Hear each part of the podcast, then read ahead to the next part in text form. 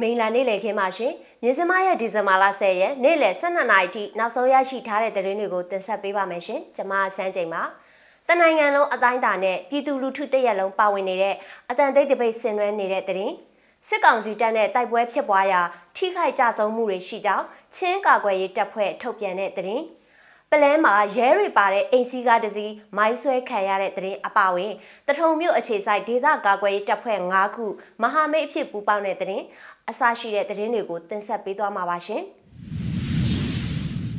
ပထမဆုံးအနေနဲ့တနိုင်ငံလုံးအတိုင်းအတာနဲ့ပြည်သူလူထုတရက်လုံးအတန်တိတ်တပိတ်မှာပါဝင်နေကြတဲ့သတင်းကိုတင်ဆက်ပေးပါမယ်ရှင်။ ကမ္ဘာလူခွင့်ရေးနေ့ဒီကနေ့ဒီဇင်ဘာ10ရက်နေ့မှာအတန်တိတ်တပိတ် silent strike ပြုလုပ်ပြီးတော်လန်ဖို့လှုံ့ဆော်ထားရာတနိုင်ငံလုံးအတိုင်းအတာအနေနဲ့ပြည်သူတွေပါဝင်လျက်ရှိနေပါတယ်။ရန်ကုန်မြို့မှာရှိတဲ့လူစီကားရနေရာတချို့မှာဒီကနေ့မနက်ပိုင်းကလူသွားလူလာရှင်းလင်းပြီးတိတ်ဆိတ်ငြိမ်သက်တဲ့အိမ်ပြင်မထွက်တဲ့ silent strike ကိုပြုလုပ်နေကြပါတယ်။မန္တလေးမြို့မှာလည်းဒီကနေ့မနက်အစောပိုင်းကလေးကဈေးတွေဖွင့်လှစ်ရောင်းချခြင်းမရှိဘဲတိတ်ဆိတ်ငြိမ်သက်ခြင်းတပိတ်မှာပါဝင်နေပါတယ်။ဒါအပြင် ပဲခူးမြို့၊ပေါင်းတယ်မြို့၊မိုးကုတ်မြို့နဲ့တဝဲခရိုင်လောင်းလုံမြို့တို့မှာရှိတဲ့ပြည်သူတွေဟာလည်းသွာလာလှုပ်ရှားမှုတိတ်ဆိတ်ငြိမ်သက်က silent strike မှာပူးပေါင်းပါဝင်နေကြပါတယ်။ဒီကနေ့ဒီဇင်ဘာလ10ရက်မှာလူထုတရက်လုံးမနက်10နာရီကနေညနေ4နာရီထိအပြစ်မထွက်ပဲမိမိအိမ်မှာသာနေထိုင်ခြင်းဖြင့်တိတ်ဆိတ်ငြိမ်သက်ခြင်းတပိတ် silent strike မှာပူးပေါင်းကြဖို့နဲ့ အင်ဂျီအနက်ရောင်ဝစ်ဆင်ထားတဲ့မိမိဓာတ်ပုံကိုလူမှုကွန်ရက်ပေါ်တင်ခြင်းဖြင့်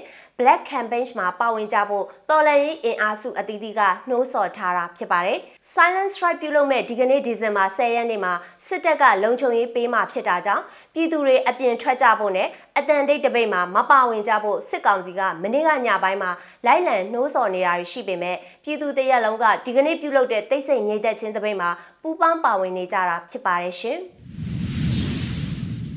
ဆက်လက်ပြီးစစ်ကောင်စီတပ်နဲ့တိုက်ပွဲဖြစ်ပွားရာထိခိုက်ကြဆုံးမှုတွေရှိကြောင်းချင်းကာကွယ်ရေးတပ်ဖွဲ့ထုတ်ပြန်တဲ့သတင်းကိုတင်ဆက်ပေးပါမယ်။ချင်းပြည်နယ်ကံပလက်မြို့နယ်ပါကွန်းကျေးရွာအနီးမှာစစ်ကောင်စီတပ်နဲ့ချင်းအမျိုးသားကာကွယ်ရေးတပ်ဖွဲ့ကံပလက် CDF ကံပလက်တို့တိုက်ပွဲဖြစ်ပွားခဲ့ပြီး3နာရီကြာတိုက်ပွဲအတွင်းစစ်ကောင်စီတပ်ဖွဲ့ဝင်9ဦးကြာဆုံးပြီး6ဦးဒဏ်ရာရသွားတယ်လို့သိရပါတယ်။ မကွေးတိုင်းစောမြို့နယ်နဲ့ချင်းပြည်နယ်ကံပလက်နယ်ဆက်ပေါင်ချောင်းဘက်မှာအင်အား80ခန်းရှိတဲ့စစ်ကောင်စီတပ်ဖွဲ့ဝင်တွေခြေရင်ချီတက်လာရာကာကွယ်ရေးတပ်ဖွဲ့ဝင်တွေနဲ့ထိတွေ့တိုက်ပွဲဖြစ်ပွားခဲ့တာဖြစ်ပါတယ်ရှင်။မကွေးတိုင်းစောမြို့နယ်နဲ့ချင်းပြည်နယ်ကံပလက်နယ်ဆက်ပေါင်ချောင်းဘက်မှာအင်အား80ခန်းရှိတဲ့စစ်ကောင်စီတပ်ဖွဲ့ဝင်တွေခြေလင်ချီတက်လာရာကာကွယ်ရေးတပ်ဖွဲ့ဝင်တွေနဲ့ထိတွေ့တိုက်ပွဲဖြစ်ပွားခဲ့တာဖြစ်ပါတယ်။ စစ်ကောင်စီတွေအနေနဲ့အဓိကမြို့ရင်းကိုထိန်းချုပ်ဖို့နဲ့သူတို့စခန်းတွေရဲ့လုံခြုံရေးအတွက်အခုလိုအင်အားတွေတိုးချဲ့လာတာလို့မြင်တယ်လို့ CDF ကံပလက်မှတာဝန်ရှိသူတအုပ်ကပြောပါရယ်စစ်ကောင်စီတပ်မှလက်နက်ကြီးလက်နက်ငယ်တွေအသုံးပြုပြီးတော့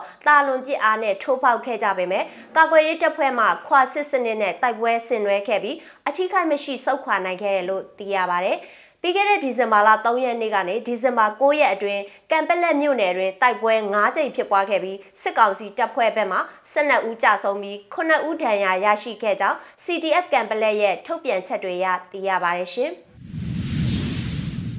ဆက်လက်ပြီးပလဲမြို့မှာရဲတွေပါတဲ့အိမ်စီကားတစ်စီးမိုင်းဆွဲခံရတဲ့တရင်ကိုတင်ဆက်ပေးပါမယ်။ စကိုင်းတိုင်းပလဲမြို့နယ်မှာရဲတွေပါတဲ့အင်စီကားတစ်စီးကိုပလဲကံကောလန်လှိုင်းချောင်းလမ်းခွဲအရှိဘက်မှာဒီဇင်ဘာလ9ရက်မနက်7:00နာရီခန့်ကပလဲပြည်သူ့ကာကွယ်ရေးအဖွဲ့ကမိုင်းဆွဲတိုက်ခိုက်ခဲ့တယ်လို့သိရပါဗျ။အဲ့ဒီအိမ်စီကားဟာပလဲမြို့တဲကနေထွက်လာတဲ့ကားဖြစ်ပြီးကားပေါ်မှာရဲ6ဦးခန့်ပါဝင်တယ်လို့လည်းသိရပါဗျ။ ဒီကောင်တွေကအိမ်စီးကားနဲ့လာတာ9ယောက်6ယောက်လောက်တော့ပါတယ်ရှေ့ထွက်မိုင်းနှလုံးခွဲလိုက်တာပဲထိခိုက်မှုတော့ရှိနိုင်တယ်အတိအကျကတော့မသိသေးဘူးလို့ Pale People Defense Force Headquarters အဖွဲ့ကပြောပါရယ်မိုင်းဆွဲတိုက်ခိုက်မှုကြောင့်ရဲကားခဏရက်သွားပြီးပြန်လည်ထွက်ခွာသွားပြီးနောက်ကန်တောက်ရဲစခန်းကနေရဲအင်အား20ခန့်ထွက်လာပြီးတပ်နက်တွေပစ်ဖောက်ခဲ့တယ်လို့ဒေသခံတအုပ်ကပြောပါရယ်ရှင်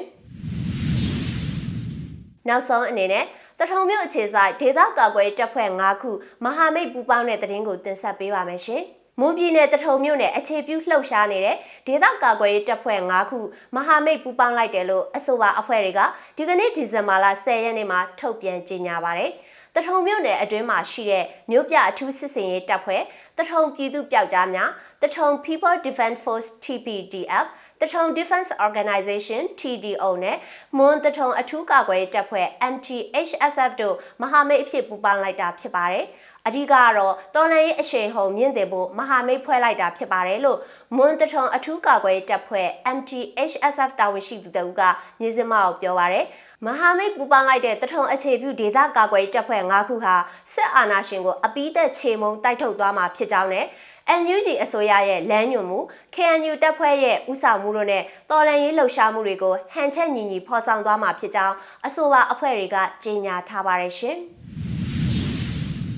မြစမရဲ့ဒီဇင်ဘာလ10ရက်နေ့လယ်12နာရီထိနောက်ဆုံးရရှိထားတဲ့သတင်းတွေကိုတင်ဆက်ပေးခဲ့တာပါကြည့်ရှုအားပေးတဲ့အတွက်ကျေးဇူးအထူးတင်ရှိပါတယ်မြမပြည်သူတွေဘေးအန္တရာယ်အပေါင်းကကင်းဝေးကြပါစေရှင်။